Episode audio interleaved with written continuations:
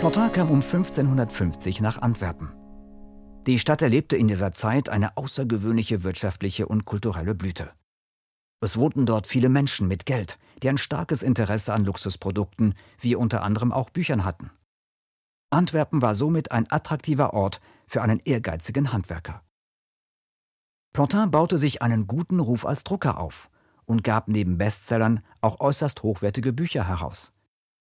Die Gestaltung dieser Bücher ist unübertroffen.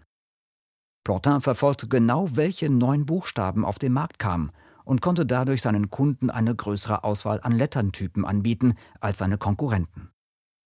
Plantins Erfolg kam jedoch nicht von selbst. Er sagte einmal über das Leben eines Druckers Das Druckerhandwerk ist ein wahrer Abgrund, eine tiefe Grube.